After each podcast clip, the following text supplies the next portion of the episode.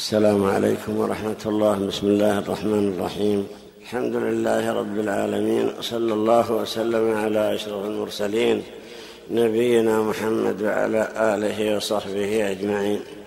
قد تكرر معنا التفكر والتذكر بآيات الله التي نصبها كدلالة على عظمته وأمر عباده بأن يعتبروا بها ويتفكروا فيها وسمها آيات يعني علامات ودلالات تدل على عظمة الخالق وعلى كمال قدرته مثل قوله تعالى ومن آياته الليل والنهار والشمس والقمر.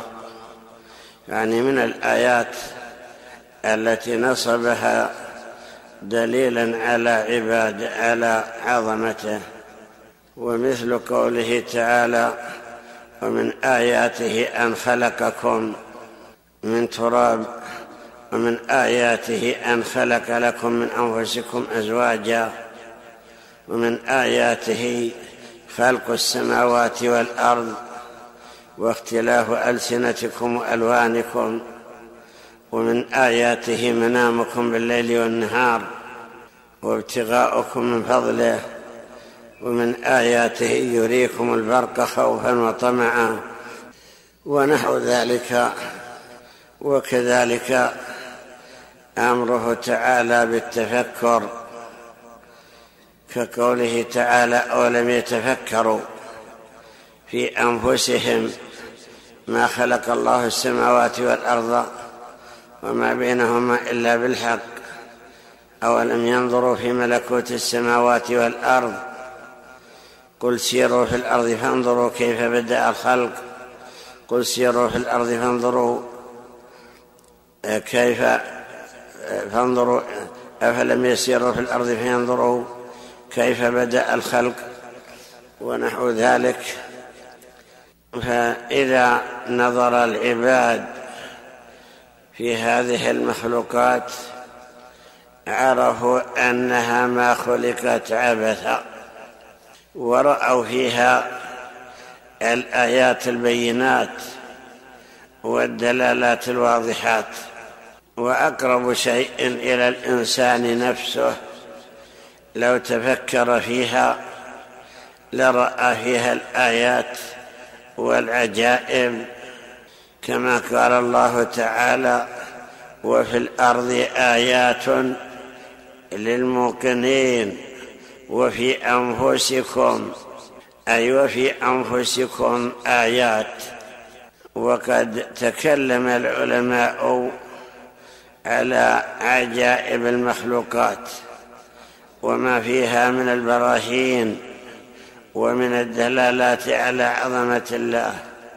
ذكرنا أن ابن القيم رحمه الله تكلم على هذه الآية في أنفسكم في كتابه الذي سماه التبيان في أي أقسام القرآن.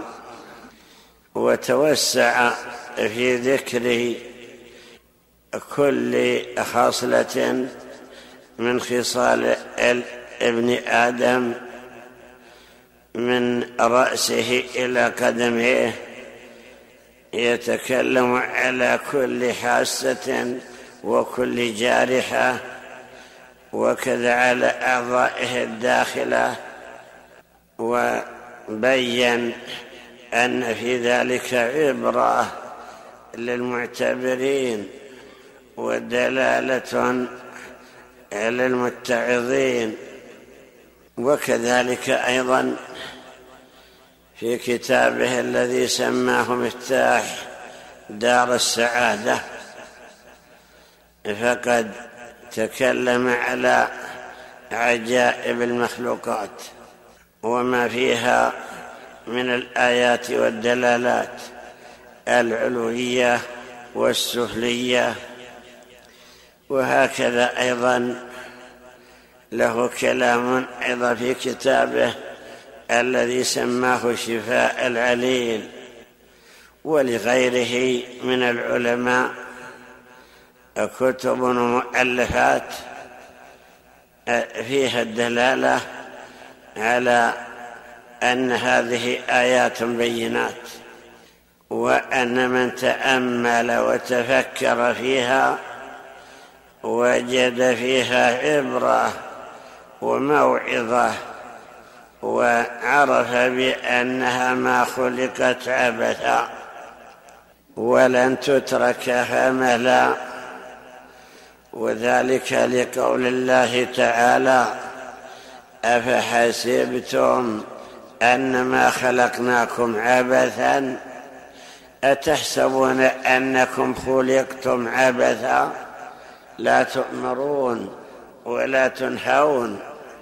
هذا يكذبه العقل والواقع.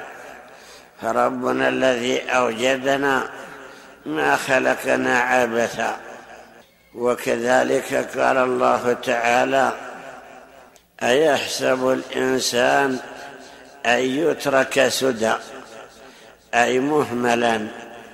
لا يؤمر ولا ينهى. أيحسب الإنسان أن يترك سدى؟ ألم يكن نطفة؟ يعني مبدأ أمره نطفة من مني يمنى ثم كان علقة. تلك تلك النطفة انقلبت علقة. يعني تنقلت وصارت علقة ثم مضغة إلى أن أخرجه الله سويا فجعل منه الذكر الزوجين الذكر والأنثى. وهكذا المخلوقات. قال الله تعالى وما خلقنا السماوات والأرض وما بينهما لاعبين. ما خلقناهما إلا بالحق.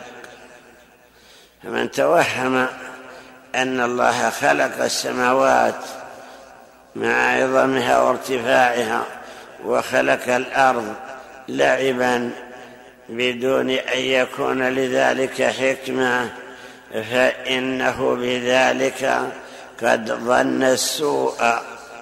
وكذلك قال تعالى وما خلقنا السماء والأرض وما بينهما وما بينهما باطلا. ذلك ظن الذين كفروا. فويل للذين كفروا من النار.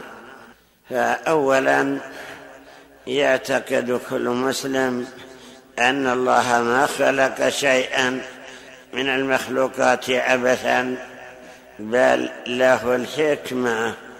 في كل شيء يخلقه ويوجده في هذه الدنيا. له الحكمة في ذلك. ونقول ثانيا عليه أن يعتبر ويتذكر. كلما رأى شيئا من هذه الموجودات أخذ منه ذكرى وموعظة.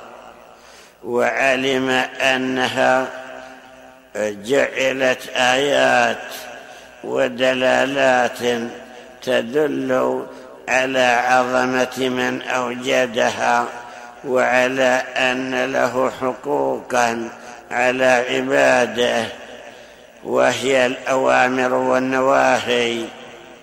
وتدل أيضا على صدق رسله الذين أرشدوا العباد إلى معرفة خالقهم وإلى معرفة وظائفهم التي أوجدوا لأجلها وإلى معرفة مآلهم ونهايتهم وماذا تكون حالتهم بعد الموت وبعد البعث وجزاؤهم كل ذلك يأخذه من أدلته ومنها الأدلة على صدق رسل الله الذين أرسلهم بالهدى ودين الحق.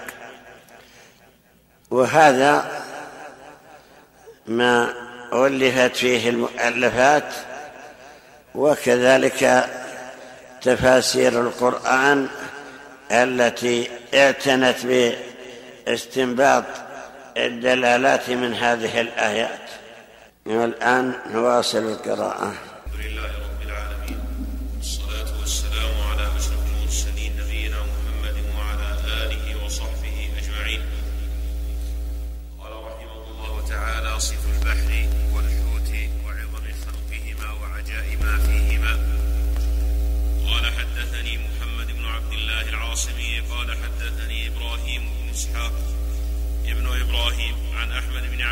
الشيباني قال حدثنا عبد المنعم بن إدريس عن أبيه عن وهب رحمه الله تعالى قال قال سليمان عليه السلام يا رب أرني السمكة التي عليها قرار الأراضي قرار الأرضين فأوحى الله عز وجل أن سر إلى مجمع البحار. فأمر الله عز وجل دابة من دواب البحار فأخرجت وسطها فجعلت تخرج وسطها ثلاثة أشهر الليل مع النار.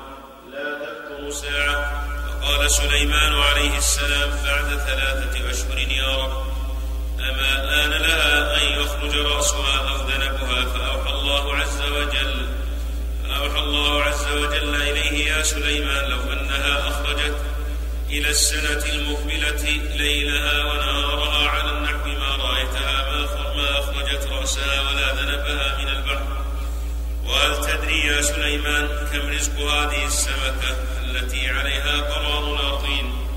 مثل هذه السمكة؟ قال لا. قال إن إن غداءها سبعون ألف سمكة مثل هذه. وعشاءها سبعون ألف سمكة مثل هذه. ما فارقها رزقها طرفة عين. فارجع يا سليمان فإنك لا تطيق أن ترى هذه فكيف تطيق أن تنظر إلى السمكة التي عليها قرار الأرضين فقال سليمان عليه السلام لا سلطان إلى سلطانك ولا ملك إلى ملكك. قال حدثنا إبراهيم بن محمد بن الحسن قال حدثنا عمرو بن عبد الله الأودي قال حدثنا وكيع عن الأعمش. عن أبي ظبيان عن ابن عباس رضي الله عنهما قال خلق الله تعالى النور فدح الأرض عليها فارتفع بخار الماء ففتق منه ففتق منه السماوات. قال حدثنا إبراهيم بن محمد قال حدثنا محمد بن ثواب قال حدثنا عثمان بن عبد الرحمن الحضاني عن الوليد بن عمرو. عن أبي الواصل عن أبي أيوب عن كعب رحمه الله تعالى في قوله عز وجل حتى توارت بالحجاب قال الحجاب جبل أخضر من ناقوت يحيط بالخلائق فمنه خضرة السماء التي يقال لها الخضراء وخضرة البحر من السماء فمن ثم يقال البحر الأخضر. قال حدثنا إبراهيم قال حدثنا إسماعيل أبي خالد المقدسي قال حدثنا أيوب قال حدثنا أيوب بن سويد عن الحسن بن عمارة عن المنهال بن عمرو. عن سعيد بن جبير عن ابن عباس رضي الله عنهما قال البحر على صخرة خضراء فما ترون من خضرة فهو من خضرة تلك الصخرة. قال حدثنا إسحاق بن أحمد والحسن بن محمد. قال حدث قال حدثنا محمد بن إسماعيل البخاري. قال حدثنا إسماعيل بن أبي ويس عن أخيه عن سليمان عن عبيد الله عمر عن عن أبي الزبير عن جابر رضي الله عنه قال بعثنا رسول الله صلى الله عليه وسلم في سرية ليس معنا زاد فجئنا ساحل البحر فإذا البحر قد رمى بدابة مثل مثل الضراء مثل الضرب. فوقفنا وتوامرنا فقال أبو عبيدة رضي الله عنه هذا رزق رزقكموه الله عز وجل فكلوه. فأكلنا منه حتى نمنا ولقد رأيت أبا عبيدة رضي الله عنه أمر بضلع من أضلاع تلك الدابة. فجيء ثم أمر بجمل فرحل ثم ركب عليه فمر من تحت ذلك الضلع. وراكبوا عليه ولقد رأيتنا ننزع من حجاج عينه بالقلال من الودك. ثم قدمنا على رسول الله صلى الله عليه وسلم فذكرنا ذلك له فقال هو رزق رزقكم. عز وجل. قال حدثنا جعفر بن أحمد بن فارس قال حدثنا العباس بن يزيد قال الحوت الذي يقال له العنبر هو جيفة وجيفة ويقال لها النال وهو يقلب السفينة وهم مثل المدينة كلها وباعوا من عينه دهنا بألفي درهم. قال حدثنا إبراهيم بن محمد السني قال حدثنا أحمد بن إسماعيل بن عيسى الجلال القادسي. قال حدثنا علي بن أحمد بن حسين عن جعفر بن عرفة رحمه الله تعالى قال ركبت البحر في موكب فظهرت لنا سمكة بيضاء وإذا على قفاها كما يبدو مكتوب بسواد أشد سوادا من البيض. لا إله إلا الله محمد رسول الله صلى الله عليه وسلم. قال ورأينا به سمكة تخرج من الماء حتى يرتفع بدنها من الماء كله. ثم تضرب بنفسها الماء تنضح تنضح على أهل المركب فسألت الملاح ما هذه السمكة؟ قال هذه من فراخ سمكة يونس. من فراخ سمكة يونس عليه صلى الله على نبينا وعليه وسلم. إذا رأت الآدمي اشتاقت إذا رأت الآدمي اشتاقت إليهم رأيت سمكة قد ظهرت من الماء فقذفت من فيها الخرز أسود. فأخذه شيخ كان في المركب فنظر إليه ثم ذاقه ثم رمى به في الماء فقلنا ما لك رميت به؟ قال وجدته مرا شديد المرارة فبيناه وكذلك يكلمنا وكان شعر رأسه أبيض ثم اسود فقلنا لو كنت تمسك هذا كان فيه غناك فقال لم أدري. باب صفة البحر والحوت وعجائب ما فيهما. قال حدثنا أحمد شريح قال حدثنا محمد بن رافع قال حدثنا إسماعيل بن عبد الكريم قال حدثنا عبد الصمد قال سمعت أبا رحمه الله تعالى يقول سمعت أبا رحمه الله تعالى وسئل عن الأرضين كيف هي؟ قال سبع أرضين ممهدة جزائر بين كل أرضين بحر والبحر الأخضر محيط بذلك كله الهيكل من وراء البحر. وبإسناده قال إن السماوات والأرض والبحار لفي, لفي الهيكل وإن الهيكل لفي الكرسي وإن قدميه لعلى الكرسي. فهو يحمل الكرسي وقد عاد على الكرسي كالنعل في قدمها. وسئل وهب رحمه الله تعالى ما الهيكل؟ قال شيء من أطراف السماوات محدق بالأرضين والبحار كأطناب الفسطاط. قال حدثنا أحمد بن محمد قال حدثنا محمد بن رافع قال حدثنا إسماعيل قال حدثنا عبد الصمد.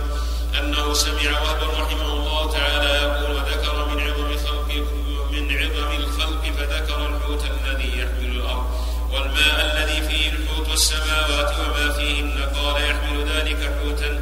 قلنا لوهب وما هم حوتان. قلنا لوهب وما هما. فكتب بإصبعه كن قال حدثنا عبد الرحمن بن أبي حاتم. قال حدثني محمد بن عبد الله بن الحكم. قال حدثنا أشهب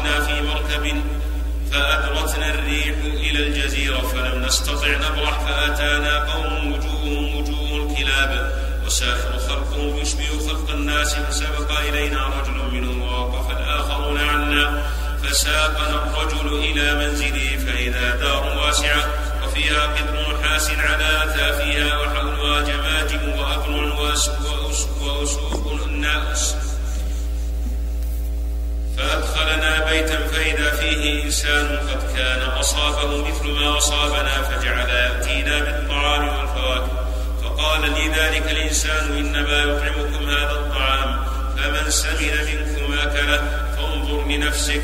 وكذلك فعل بأصحابي قال فكنت أقصر عن أقصر عن الأكل فكان كل من سمن من أصحابي ذهب به فأكله حتى بقيت أنا وذلك الرجل. وحضر لهم عيد فقال لي الرجل حضر لهم عيد يخرجون إليه بأجمعين ويقيمون ثلاثا فإن يك بك نجاء فانجو فأما أنا فقد ذهبت ذهبت رجلاي وأعلم أنهم أسرع شيء طلبا وأشد استنشاقا لرائحة وأعرف أثر الرجل إلا من دخل تحت شجرة كذا والشجرة تكثر في بلادهم فخرجت أسير أسير الليل وأكمل النهار تحت الشجرة فلما كان اليوم الثالث إذا هم قد جاءوا كالكلاب يقصون أثري فمروا بتلك الشجرة وأنا فيها فانقطع عنهم الأثر فرجعوا. فلما جاوزوا أمنت وخرجت فبين أنا أسير في تلك الجزيرة إذ رفع لي شجرة كبيرة فانتهيت إليها فإذا بها من كل شجر الفواكه وإذا تحت ظلالها رجال كأحسن ما رأيت. من صورة رجال من صورة رجال أندية أندية فقعدت إلى ناد منهم فجعلت أكلمهم فلا يفهمون كلامي ولا أفهم جالس بين أنا جالس معهم إذ وضع رجل منهم يده على عاتقي فإذا هو على رقبتي ثم لوى رجليه علي ثم ثم أنهضني. فجعلت أعالج لأطرحه فخمس في وجهي وجعل يدور بي على تلك الثمار فيجتنيها ويلقيها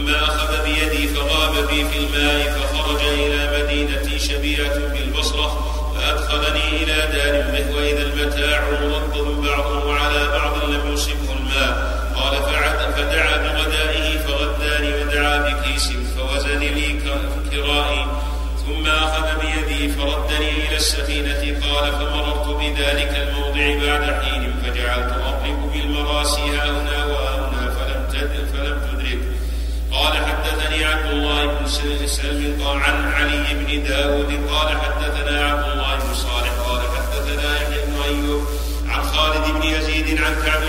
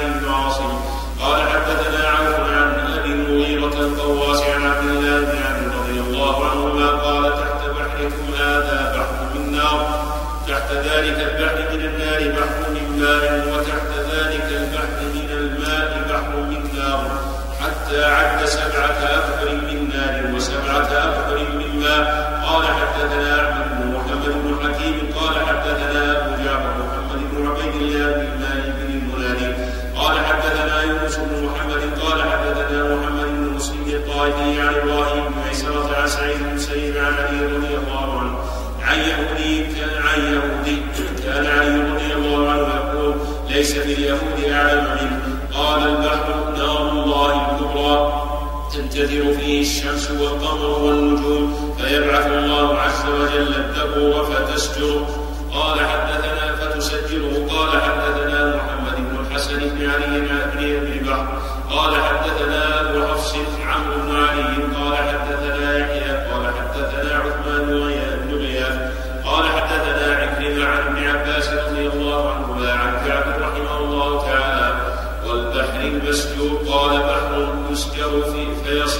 Deus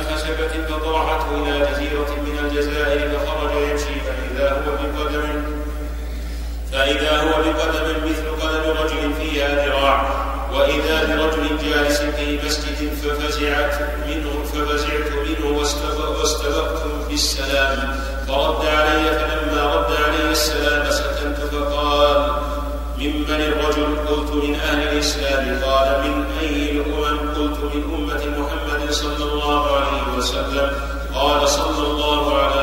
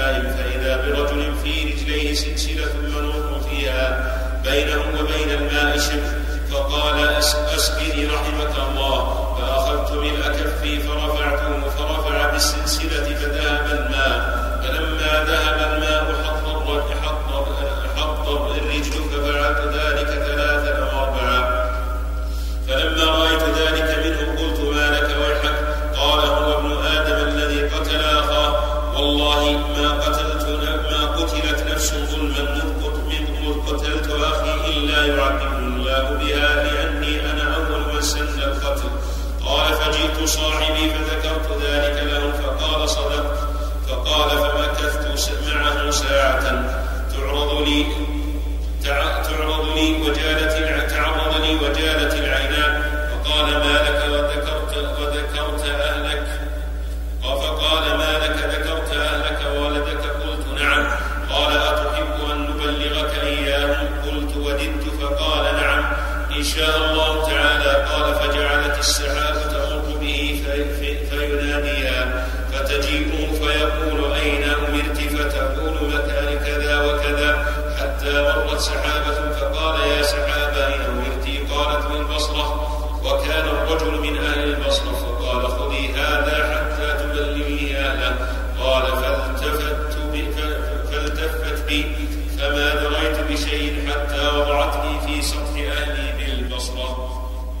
نعرف أن هذه الآثار أغلبها من روايات بني إسرائيل ككعب بن كعب الأحبار ووهب بن منبه ويذكرونها للموعظة ولبيان ما في خلق الله تعالى من العجائب ولا شك أن من آيات الله تعالى هذه البحار فإنك تشاهد طولها وامتدادها وما فيها من المياه وكثرة الماء الذي فيها وكذلك اضطرابها وتحركها عندما تهب الرياح وهكذا أيضا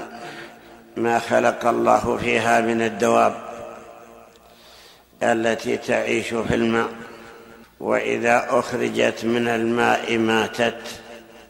يكون الماء هو غذاءها تتنفس فيه مع أن الحيوانات البرية إذا غمست في الماء ماتت ومنها الإنسان إذا غمس ورسب في الماء مدة ينكتم فيها نفسه فيموت فجعل الله تلك الدواب البحرية غذاءها في البحر.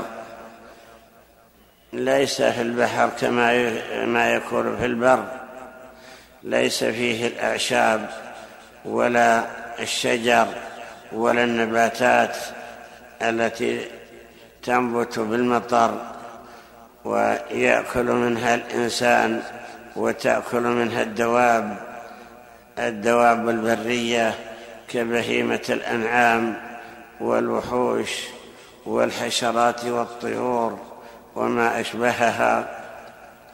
ومع ذلك فإن فيه دواب كثيرة.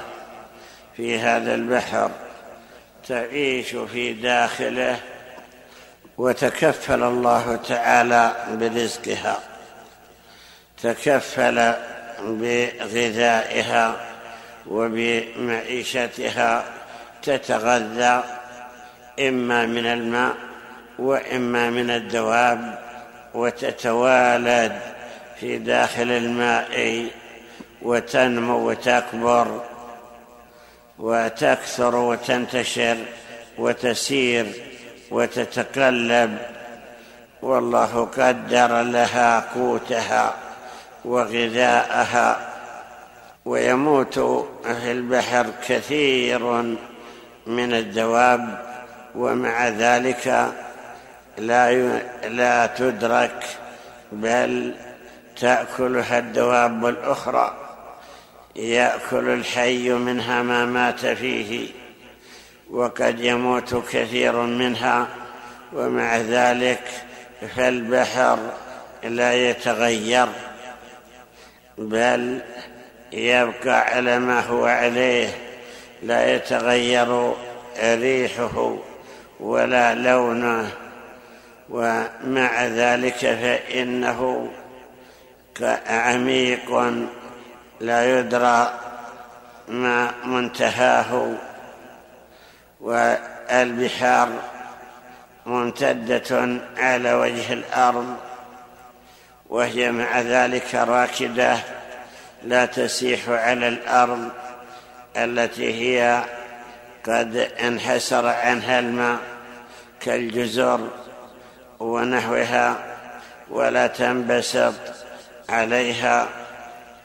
ومع ذلك يشاهد أنها أحيانا يكون منها امتداد وهو ما يسمى بالفيضان ويسمى بالمد يمتد عدة كيلوات ويأتي على البيوت التي حوله ويغرق كثيرا من المنازل وكثيرا من الأمتعة واحيانا يجزر وينحسر عن كثير من الأماكن وتبدو منه أماكن كانت مغطاة بالماء في فيما قبل ذلك ونحو ذلك مما فيه من العجائب.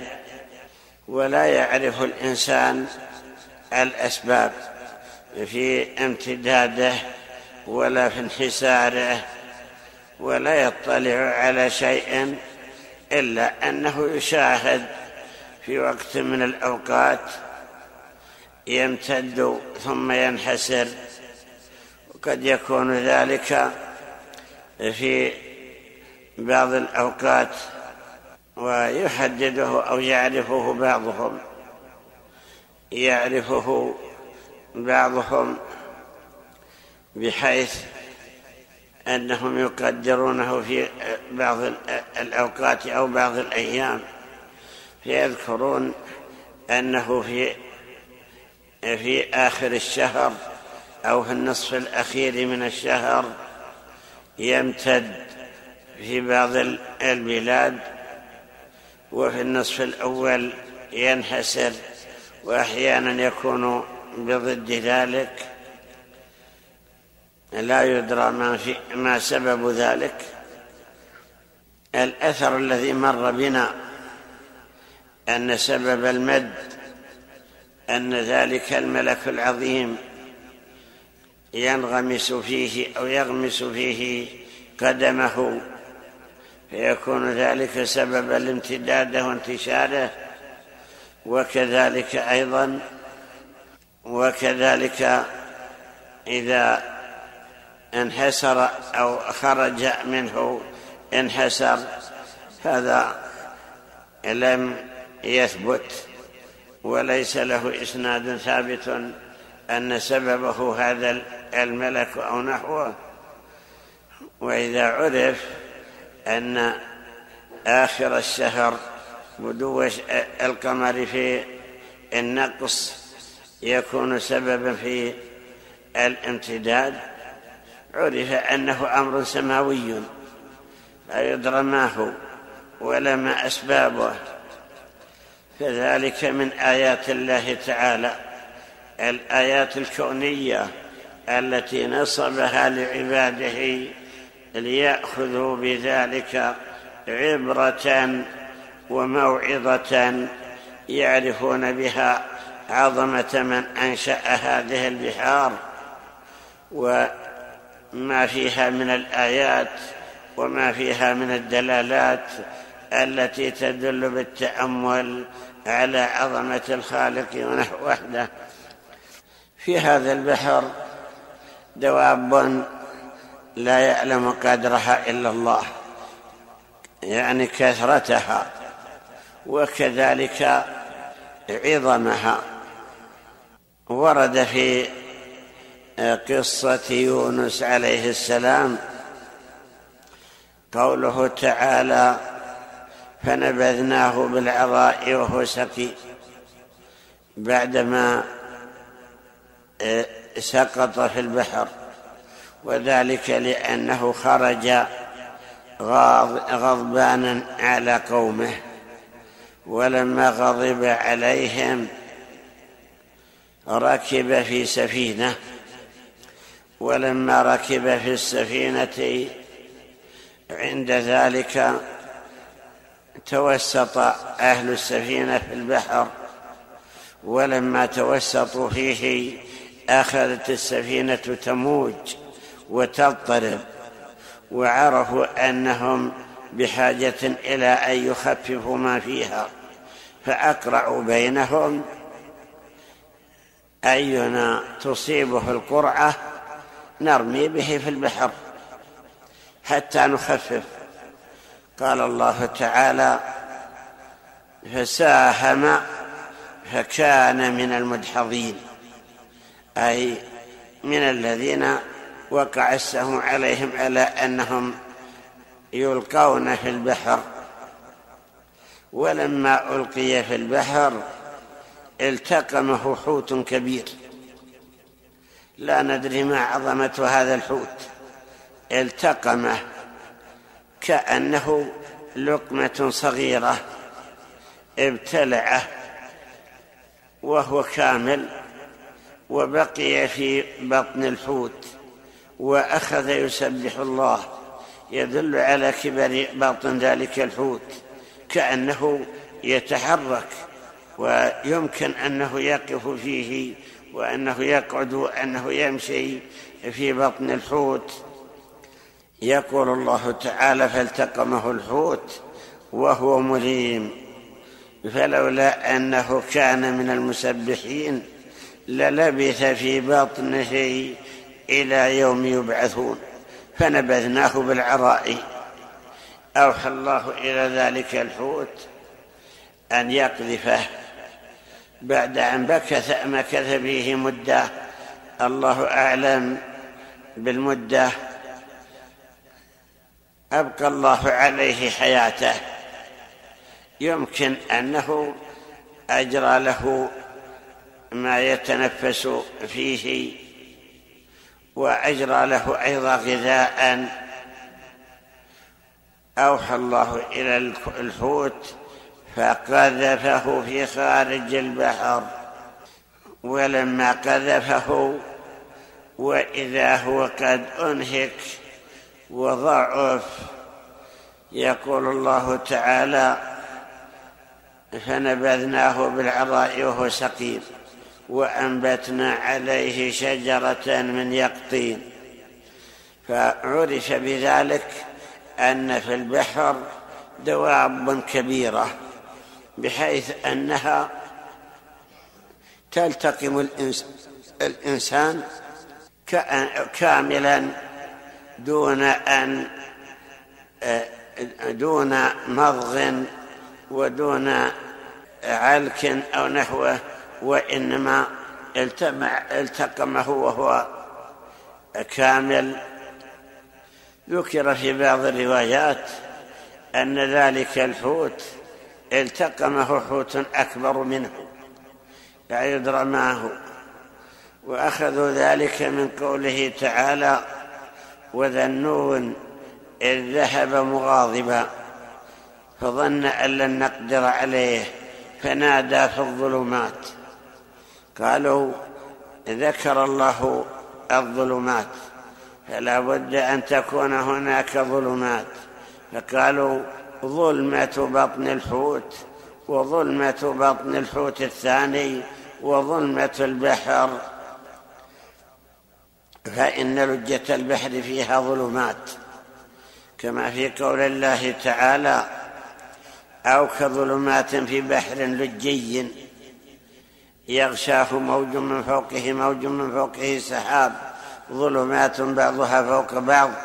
إذا أخرج يده لم يكد يراها. فلجة البحر عميقة من غار أو رسب فيها لم يكد يرى يده من شدة الظلمة. فنوح هود فيونس عليه السلام نادى في بطن الحوت في تلك الظلمات. قال أن لا إله إلا أنت سبحانك إني كنت من الظالمين أي ظالم لنفسي وكلنا ظالم لنفسه. يدعو الإنسان في آخر صلاته بقوله رب إني اللهم إني ظلمت نفسي ظلما كثيرا. فنبي الله يونس عليه السلام أنقذه الله لما نادى في قوله فلولا أنه كان من المسبحين أي كان من الذين يسبحون ويحمدون الله ويعبدونه فدعا الله تعالى فأنجاه وأخرجه من بطن الحوت. لم يكسر له عظم ولم يهشم له جسد أخرجه كاملا. ولما كان بعد إخراجه نحيفا وضعيفا أنبت الله عليه شجرة من يقطين إلى أن إلى أن رجع إليه جسده ولحمه. فهذا دليل على أن في البحر دواب كبيرة كهذه الدابة هذا الحوت. وكذلك الحوت الذي ذكر في الحديث الصحيح في صحيح البخاري قصة جيش أبي عبيدة. أبو عبيدة بن الجراح بعثه النبي صلى الله عليه وسلم في سرية ثلاثمائة يتعرضون لبعض لبعض الكفار لعلهم أن يغنموا. ولم يجد طعاما يرسله معهم إلا شيئا من التمر. أكلوا منه ففني التمر حتى بقي أياما لا يأكل كل واحد منهم في اليوم إلا تمرة واحدة. وحتى كانوا يحتون ورق السمر ويأكلونه كما تأكله الإبل والغنم. ولما اشتد بهم الجوع وصلوا إلى ساحل البحر أخرج الله لهم دابة يقال لها العنبر. دابة كبيرة حوت كبير. وجدوه كأنه كثيب رمل أو كأنه ضرب جبل. الضرب هو الجبل الكبير الممتد المنبسط والذي فيه في الحديث اللهم على الضراب آكام وبطون الأودية ومنابت الشجر. كأنه ضرب أي جبل كبير ممتد منبسط. الجيش ثلاثمائة. وقد أصابهم الجوع. بقوا عند هذه هذا الحوت يأكلون منه شهرا. ما ظنك بآكلهم كل يوم؟ كل يوم وهم جياع. لا بد أن يأكلوا قدر آه، أكثر من عشرة من الإبل أو نحوها. ومع ذلك استمروا يأكلون من لحمه. يقولون إنهم يغترفون الدهن من قحف عينه بالقلال. القلة هي الإناء الذي يسمى بالحجلة أو بالزير يعني بأوانية كبيرة. يدخل في قحف العين اثنا عشر رجل. يغترفون من قحف عينه. أخذوا ضلعا من أضلاعه وبسطوه على الأرض يعني طرفيه وجاء أكبر بعير عليه أكبر راكب ومر تحت ذلك الضلع ولم يمسه. دليل على كبر هذا الحوت. هذا من جملة خلق الله تعالى. إذا كان في هذا البحر فماذا يكون غذاؤه؟ لا شك أنه لا بد أن يتغذى. لا بد أن يكون له أن يكون له غذاء يتغذى به في بطن الحوت في بطن البحر.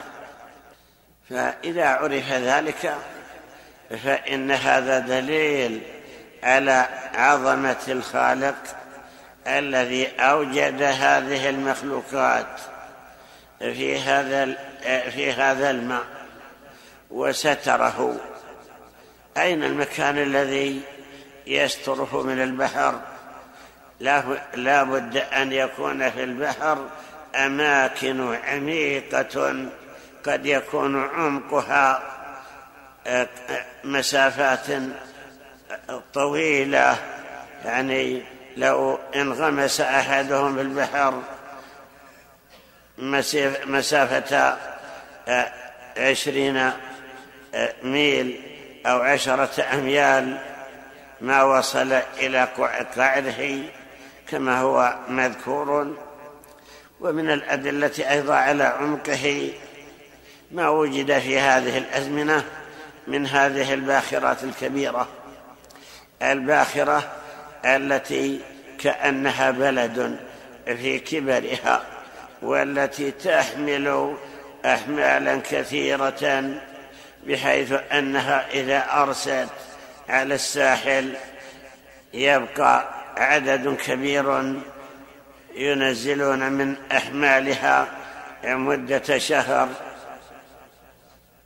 لا شك أن هذا دليل على عظمة الله تعالى حيث خلق هذه المخلوقات في في البحر.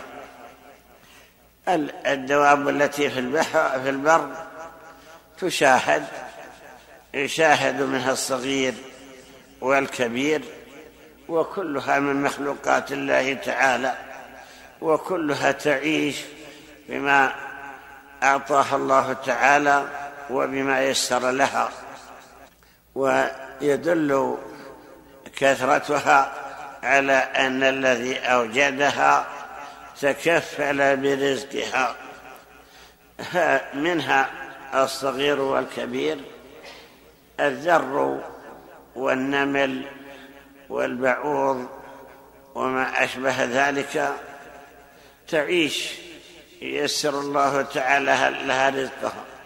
وكذلك دواب البحر صغيرها وكبيرها عاشت في هذا البحر ويسر الله لها الغذاء الذي تتغذى به.